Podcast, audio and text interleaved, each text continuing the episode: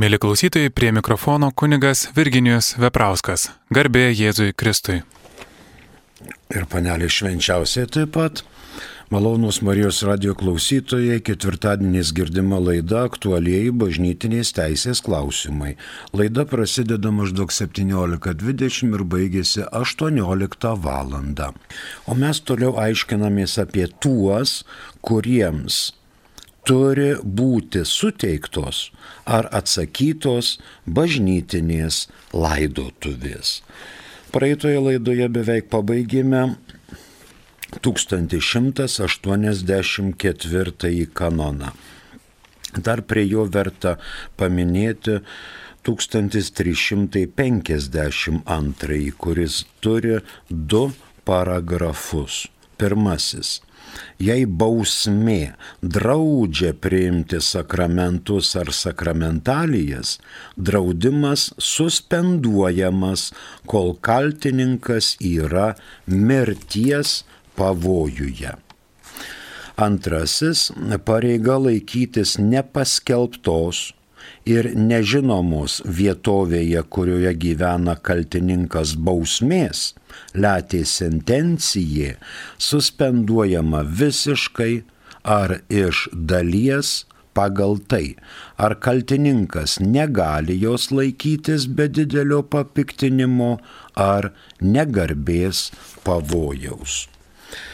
Ir dar tarkim, atsakomos laidotuvės tiems, kurie dalyvauja atvirai materializmą propaguojančiuose judėjimuose ir partijose, kurie nepripažįsta ant gamtinio gyvenimo, Dievo egzistavimo, šventųjų kulto ir taip toliau. Rytų kanonuose 1184 atitikmuo yra 877.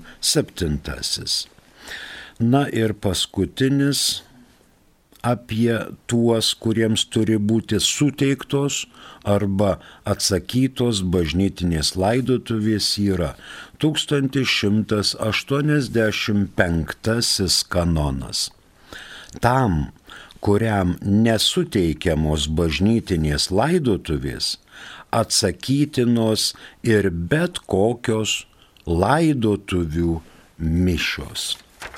Tuoj pratesime mintį, dabar mus pasiekė telefonų skambutis, prašom.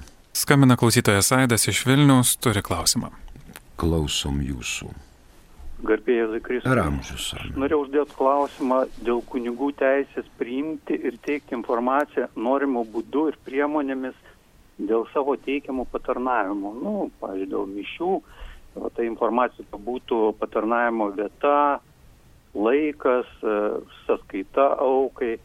Ir, pavyzdžiui, tie būdai, kaip būtų teikti informaciją, tai, pavyzdžiui, Facebook paskiroj, parapijos tinklalapį ar kitokiuose panašiuose tinklalapiuose priemonės ir būdai, kaip pavyzdys, priimti informaciją. Pavyzdžiui, kunigas gauna informaciją elektroniniu paštu, per savo paskirtą tinklalapį ar feisbuke.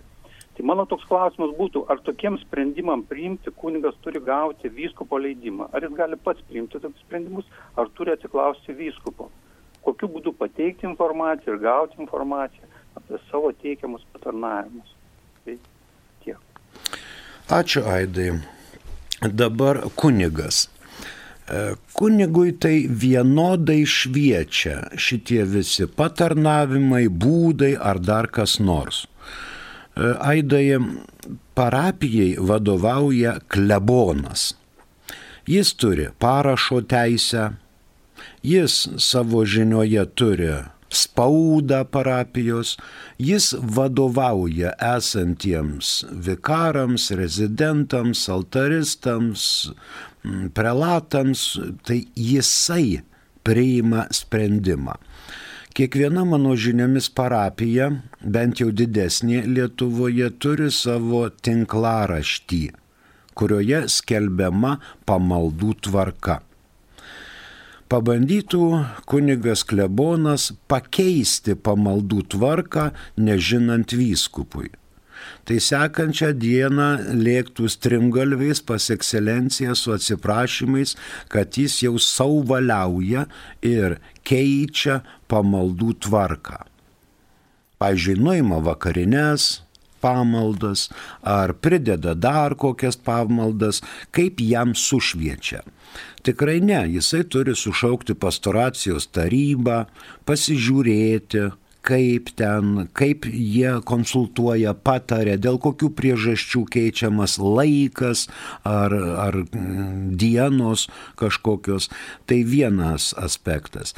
Ir tada, kai gauna jisai pritarimą iš visų, tada eina pas vyskupą. Gauti iš jo leidimą. Dabar mm, buvo, yra klebonas, yra du vikarai. Bet vyskupas du vikarus nuima Tai klebonas negali 3-4 mišių per dieną laikyti, tada jisai žiūri, kad jis liko vienas, jam nuimti vikarai ir jisai turi tada mikliai susiorientuoti, ką daryti, kad jis gali tik tai vienerias mišes per dieną laikyti, o vikarų nėra. Nėra. Vienas susirgo, kitas atostogose ir taip toliau. Arba jie iš vis iškelti į kitas parapijas, nes ten mirė klebonai, reikia kažką daryti, juos keliame iš vikarų pozicijos į klebono poziciją. Dabar, Aidai, su Facebookais norimų būdų arba priemonėmis ten skelbt kažką, na, galima iš principo. Bet matot, kiekvienas katalikas turi pareigą sekmadienį ateiti į pamaldas.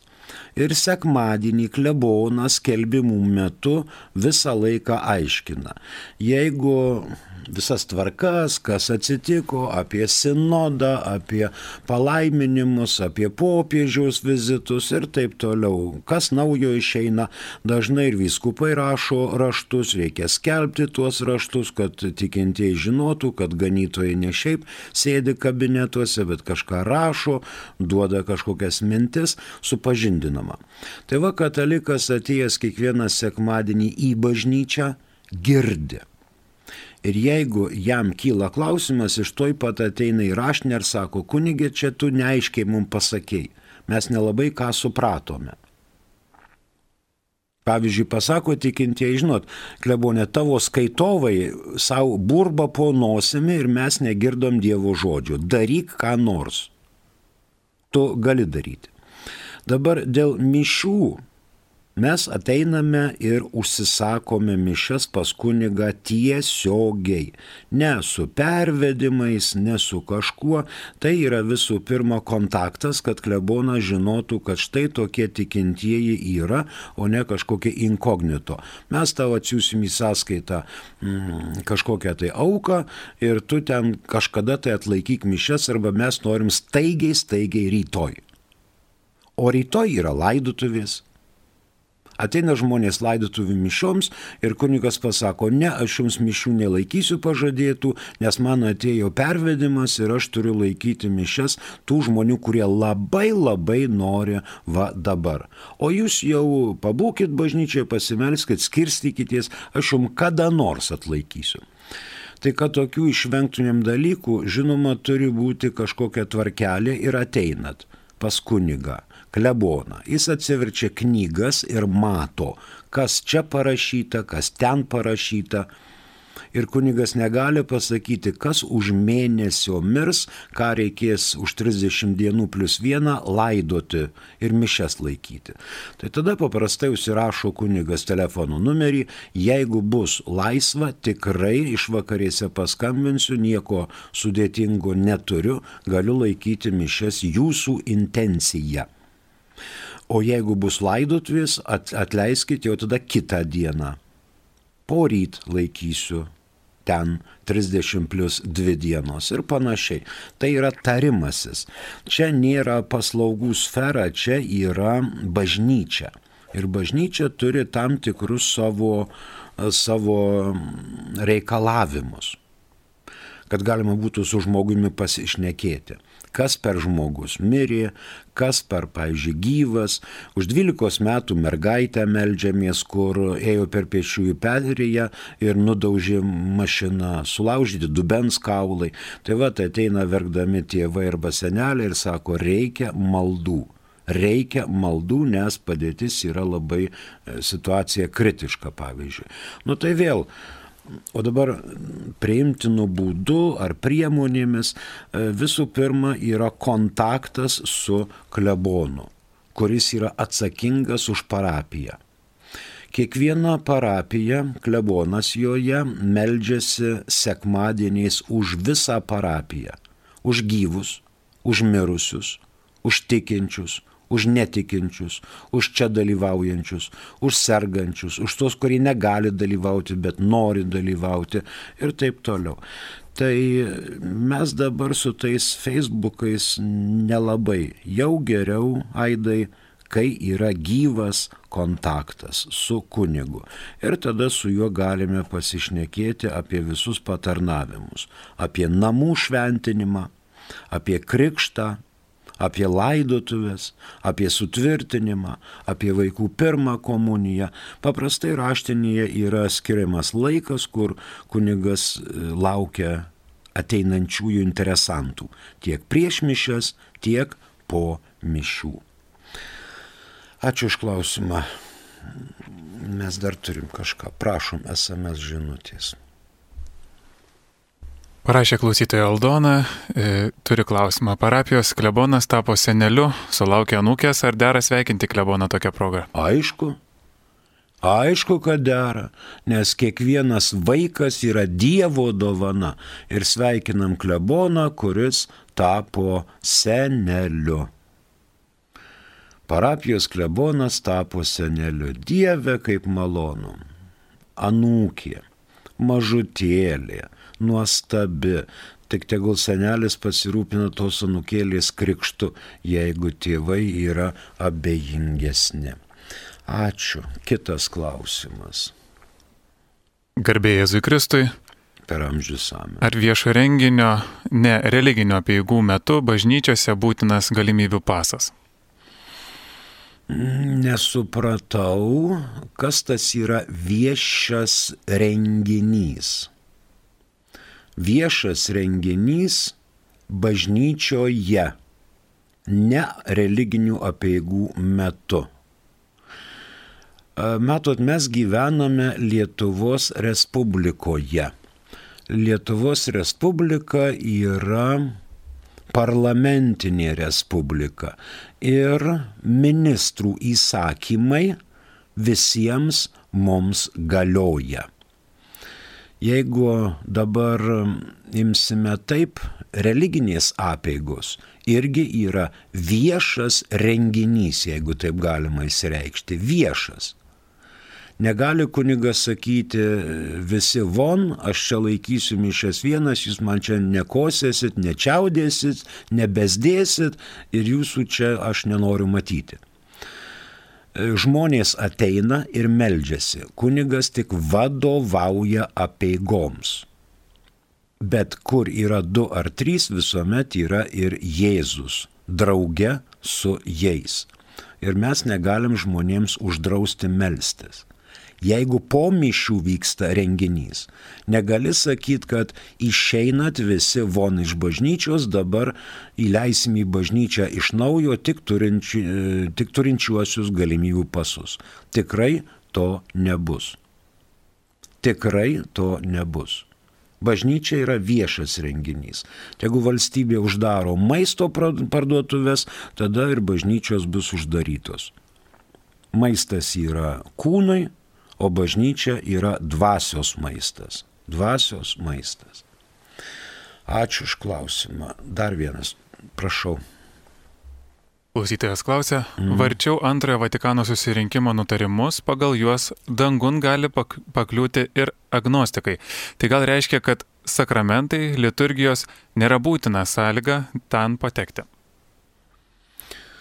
Matot, jūs vartėte antrojo Vatikano susirinkimo nutarimus, vartėte, jūs pacituokite man, prašau, tą sakinį, kur parašyta, kad agnostikai gali pakliūti dangun. Ir kokiomis sąlygomis. Gal gnostikai gali pakliūti, gali ir evangelikai pakliūti, gali ir reformatai pakliūti, gali daug kas pakliūti į dangų, jeigu jie prieš pat mirtį gailėjosi atsiprašė Dievo ir kokiu nors būdu bendruomenės atsiprašė už savo paklydimus ir išpažino vieną tikrą Dievą. Tai kodėlgi ne? Aišku, kad Dievas yra apstus gailestingumo ir gali atsižvelgti. Gali pakliūti. Bet neprivalo. Čia jau yra Dievo prerogatyva. Ir tai visiškai nereiškia, kad sakramentai, liturgijos nėra būtina sąlyga ten patekti. Krikšto sakramentas yra būtinas, pirma komunija būtina, sutvirtinimas būtinas, aišku, santokoje gyvenantiems santokos sakramentas taip pat yra būtinas. O visa kita yra Dievo gailestingumas ir to žmogaus dispozicija. Jeigu jas dėjo skersą ant bažnyčios visą gyvenimą, labai sunku tikėtis, kad jis gaus malonę, kad ir prieš mirtį gailėsis. Bet jeigu jisai, na, ne dėl savo kalties, kažkiek matė, išpažino, širdyje Dievą turėjo, net meldėsi kažkokią tai maldelę kasdien, kurią buvo išmokytas močiutės ar išmokyta mamos duktė, tai aišku, kad negalima sakyti, kad tai yra pražuvęs žmogus. Bet Jėzus sakė, būkite tobuli, kaip ir mano dangiškasis tėvas yra tobulas. Reiškia, krikščionys turi tobulėjimo dimenciją, privalo ją turėti. Čia vėlgi absoliuti nesąmonė. Žmogus negali būti toks tobulas kaip dangiškasis tėvas. Tikrai negali. Bet tai yra siekinys. Šito siekinio matas yra meilė. Ne vien meilė Dievui, bet ir meilė artimui. Ačiū šitą klausimą. Dar vienas turbūt yra, prašom. Garbėjai Zikristui. Per amžius amen. Norėjau paklausti, ar tinka katalikui vykti į užsienį, kad užsidirbtų daugiau pinigų? Kodėlgi ne? Kodėlgi ne? Ar tinka? Tik tai, matot, katalikui. Gyveno kartą katalikas. Jis gali vykti užsienį, užsidirbti pinigų, kaip jam patinka, kur jisai ten kviečiamas ir taip toliau. Kitas dalykas, gyveno kartą katalikas. Jis buvo vedęs žmoną, yra du vaikai. Katalikas susipjovė su mylima moterimi, susidėvi krepšį ten dantų šepetuką, tapkytės, treningus ir dingo į Norvegiją dviem metam. Tada šitas katalikas išstato savo žmoną svetimavimui. Žmona gyveno šeimos gyvenimą, dabar jinai liko viena su dviem vaikais, o jos frajeris dingo dviem metam į Norvegiją dažyti fasadų, taip? Ir frajeris, dingęs į Norvegiją, taip pat ir stato pavojui, svetimavimo pavojui, nes jisai jau nuo šeimos atitrūko ir nevykdo savo kaip šeimos tėvo pareigų. Tai va, koks yra užsidirbti į užsienį daugiau pinigų. Galima sakyti, kad net pusę atlyginimo jisai parsiunčia žmonai, bet žmonai reikia ne pinigų, žmonai reikia vyro, kurie jinai gali apsikabinti kojom ir rankom vakarais, pasitarti, pasišnekėti, kažkam reikia nuvežti į darželį vaikus arba paimti iš mokyklos vaikus. Tai vėlgi, reiškia, katalikui ar tinka. Čia reikia žiūrėti nuo aplinkybių. Ačiū Jums už klausimus. Primenu, kad girdite laidą aktualieji bažnytinės teisės klausimai. Prašom, o dabar jau einame prie 1185, kurį tik ką perskaitėme. Yra dvi mintys. Logiška, kad tam, kuriam nesuteikiamos bažnytinės laidotuvės, atsakomos ir šventosios mišios. Dabar mes paprašysime, kad mums būtų perskaityta katalikų bažnyčios katekizmo 1689 mintis. Prašom. Eucharistijos auka. Jei apėgos vyksta bažnyčioje, krikščioniškosios mirties kaip Velykų tikrovės centras yra Euharistija. Kaip tik tada bažnyčia parodo savo veiksmingą bendrystę su mirusiuoju, atnašaudama tėvui šven... šventovėje, e, šventojoje dvasioje Kristaus mirties ir prisikelimo auką. Mhm. Ji prašo, kad jos vaikas būtų nuvalytas nuo nuodėmių bei jų padarinių ir švestų tobulas Velykas dalyvaudamas dangaus karalystės puotoje. Per tai švenčiama Euharistija, tikinčiųjų bendruomenė, ypač mirusiojo šeima, mokosi gyventi bendrystėje su tuo, kuris užmygo viešpatyje, dalydamasi Kristaus kūnu, kurio gyvas narys yra mirusysis, ir melzdamasi už jį ir su juo. Na va, matot, Mišios yra apvalomoji šiuo atveju auka mirusiajam ir paguoda gyviesiems. Jeigu atsakomos laidotuvės, tai atsakomos ir laidotuvių mišios. Laidotuvių mišios. Atsakoma kur? Tiek toje parapijoje, kur žmogus gyveno, arba tėviškės parapijoje, taip pat atsakomos laidotuvių mišios bet kur kitur. Jos nelaikomos laidotuvių mišios nei kapinių koplyčioje, nei oratorijume, nei kažkokioj pagalbiniai bažnytėliai, niekur. Jeigu jau yra atsakyta, reiškia atsakyta laidotuvių mišios. Antroji mintis laidotuvių mišios atsakomos, bet leidžiamos šventosios mišios, jeigu liturginis kalendorius suteikia tokią teisę, e, gali būti violetinė arba juoda spalva, bet formularas yra už mirusiuosius ne laidotuvių dienoje, bet užmirusiuosius. 1917 m. kanonų teisės kodekse tą normino 1241 kanonas.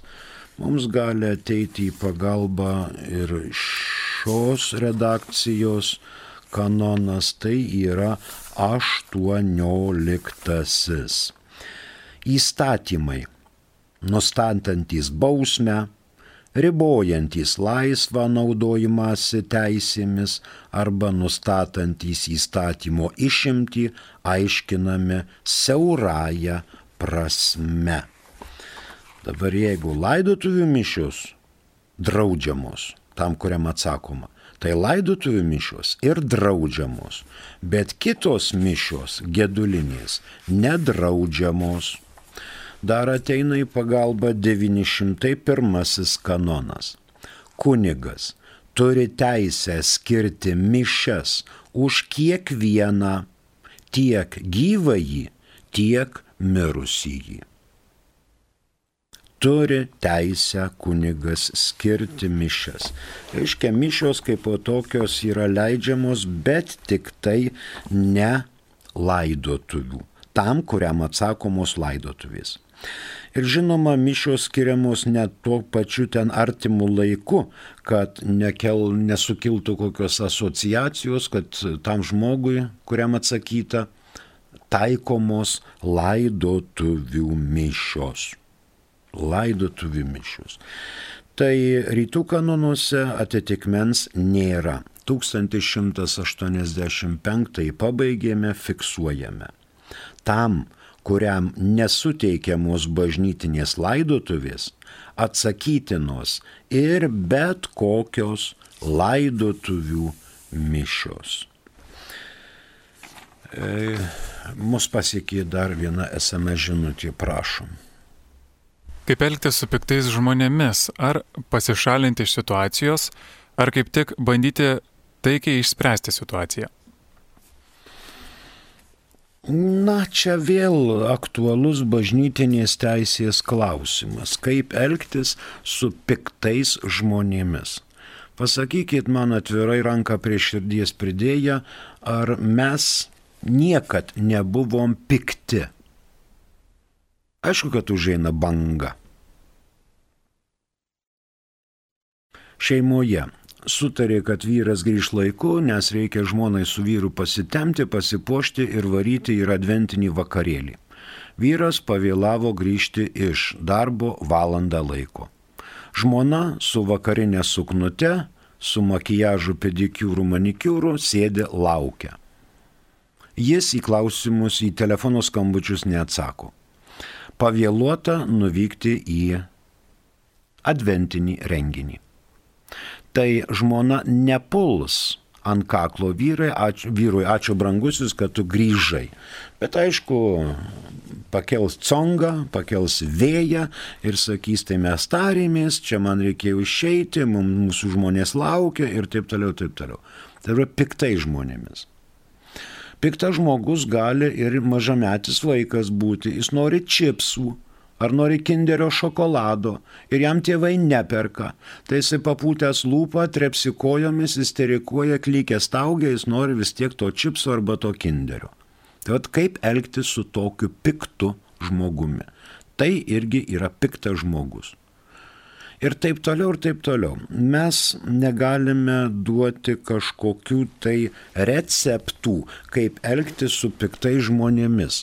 Galim pasakyti, kad palaimintasis Teofilius Jurgis Matulaitis e, sakė, blogį nugalėk gerumu. Žmogų Dievas apdovanojo visokiamis savybėmis, tame tarpe ir kūrybinė laisvė. Tai mes sutikę piktą žmogų galvojame, ar mūsų pasišalinimas, dingimas iš šitos situacijos bus labiau teigiamas, ar bandymas taikiai išspręsti situaciją. Važiuoja žmogus viešuoju transportu be bilietėlio, be talonėlio nesusimokėjus už kelionę. Ir čia šitie argonautai capt už parankių ir tau rašo baudą.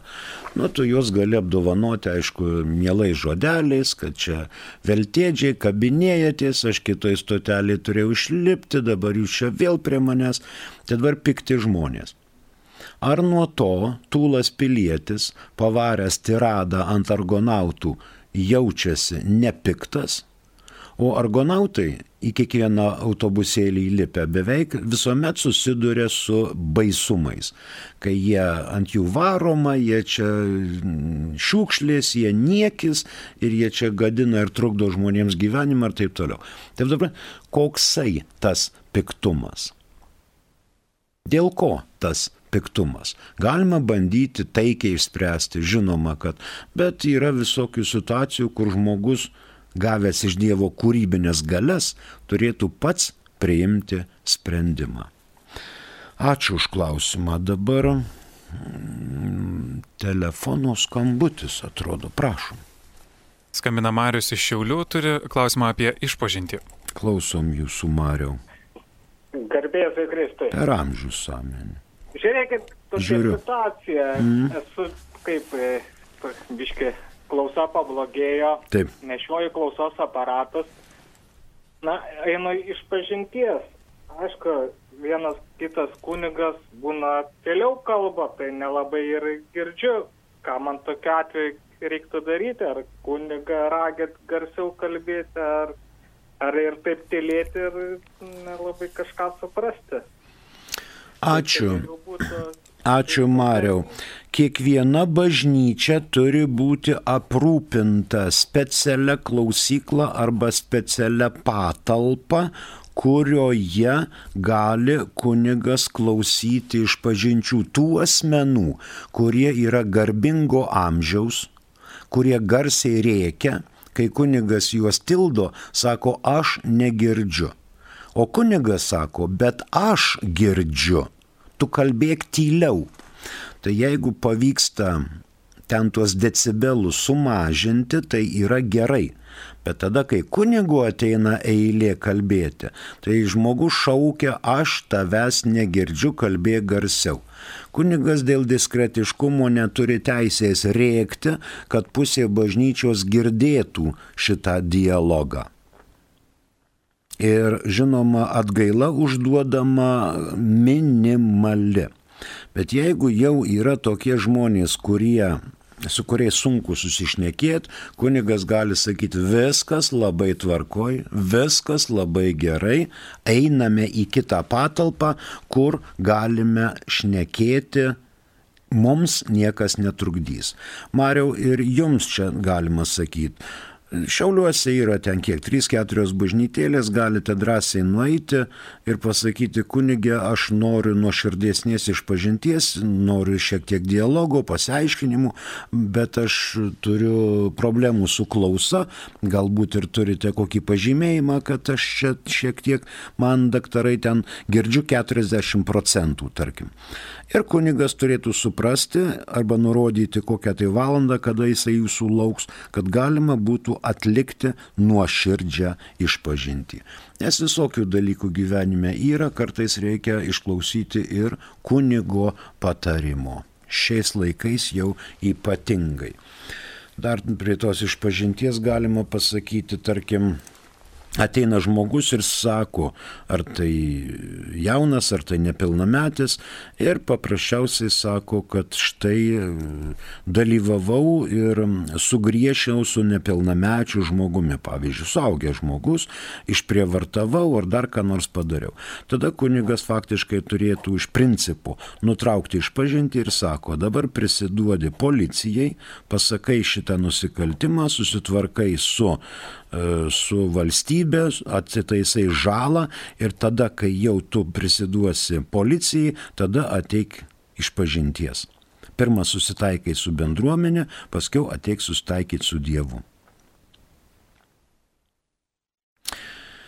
Jo, mes išpūtę ausis klausom tokių dalykų ir, reiškia, kunigas neturi teisės išduoti iš pažinties paslapties, bet jis turi teisę nutraukti iš pažinti ir sakyti, dabar tu eini ten, sustvarkai reikalus, o kai jau tu ten praneši, prisiduodi, pasakai, įvertini, parašai pareiškimą ar dar ką nors tokio, jau tada gali ateiti iš pažinties.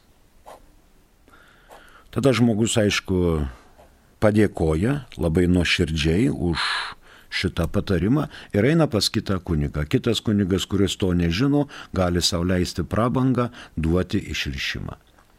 Tai vėlgi priklauso nuo. Nes šiais laikais mes labai jautriai turime žiūrėti į tuos dalykus ir netoleruoti visokių mobbingų, seksualinių priekabiavimų ir taip toliau dalykų. Mes dar turim kažką tai. Prašom, dar turim SMS. Prašom. Klausimas ne į temą. Mm. Marijos radijoje laidų vedantieji ir direktorius, kunigai, net vyskupai sakosi būna ar esą prie mikrofono. Tik vienintelis sakosi apie save. Prie mikrofono dirbo kunigas Virginius. Ar tai ne puikybė? Tai puikybė. Patarkit, kaip reikėtų sakyti. Didžiausia puikybė. Prie mikrofono dirbo kunigas Virginijus. Nu. Tai kokia čia puikybė? Paaiškinkite. Paaiškinkite. Kiti net viskupai sakosi būna ar esą. Nu tai dabar pasakysiu prie mikrofono esą kunigas Virginijus. O čia vienintelis, kadangi laida vienintelė puikybė. Patarkit, kaip išvengti jos. Ačiū. Kita mintis. Garbėjai Jėzui Kristui. Ramžiusam. Ar gali popiežius raginti vakcinuotis, juk jis ne infektologas ir, kiek žinau, nėra baigęs medicinos mokslo? Jo, popiežius Pranciškus nėra baigęs medicinos mokslų ir netgi nėra neinfektologas, žinoma. Bet jisai tiki mokslo pažangą.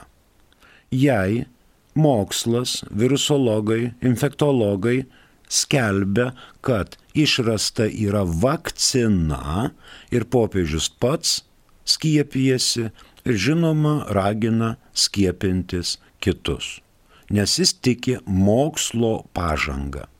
Ir šitos vakcinacijos e, mums užkerta kelią nuo mirties ir nuo reanimacijos. O kodėl jis negali raginti? Gali. Nes jam rūpi, kad žmonės kuo ilgiau gyventų ir kuo ilgiau tarnautų Dievui ir žmonėms ir rinktųsi nuopelnus. Dar mes turim žinutę turbūt. Prašom. Ar yra nuodėmė vedusiam vyrui susitikti darbo ir laisvalaikio, muzikos, sporto klausimais, susitikti su kitomis moterimis pabendravimui kavinėje? Kodėlgi ne? Kodėlgi ne? Nėra tokio įsakymo dekalogė, kad draudžiama vedusiam vyrui susitikti laisvalaikyje, e, sporto ten salėse, ar klausant kokios, reiškia, džiazo, ar kitos muzikos, ar operoje susitikinėti su kitomis moterimis pabendravimui kavinėje ne tik kavinėje, bet ir restorane. Kodėl draudžiama? Ne, nėra tokio draudimo. Tik reikia žiūrėti, kad nevestų šitie susitikimai kažkur tai, kad galėtų iširti šeima. Gali vyras susitikinėti su moterimi, kai dalyvauja to vyro žmona, kodėlgi ne? Įtempta darbo diena arba daug klausimų kažkokių yra iškilę ir visi persiutę, kodėl dirbantis vyras negali pasakyti ten savo sekretorė ir bendradarbė, einam į kavinę, pratesim, galvas pengia, aš negaliu įniršęs ant viso pasaulio grįžti pa žmoną, geriau eikim, išgerkim kavos ar suvalgykim salotų praeina restorane valanda ar dvi ir tada atsipalaiduoja, išsišneka ir vyras savo, moteris savo. Jokio tokio draudimo tikrai iš bažnyčios nėra. Dėkui iš klausimus, jeigu kilo minčių, kitoje laidoje pabandysime atsakinėti. Naujos temos jau nepradėsim apie šventųjų arba šventųjų paveikslų ir religijų kultą, jau bus kitoje laidoje. Dėkoju Jums. Prie mikrofono esą Virginijus Veprauskas. Ačiū ir sudė.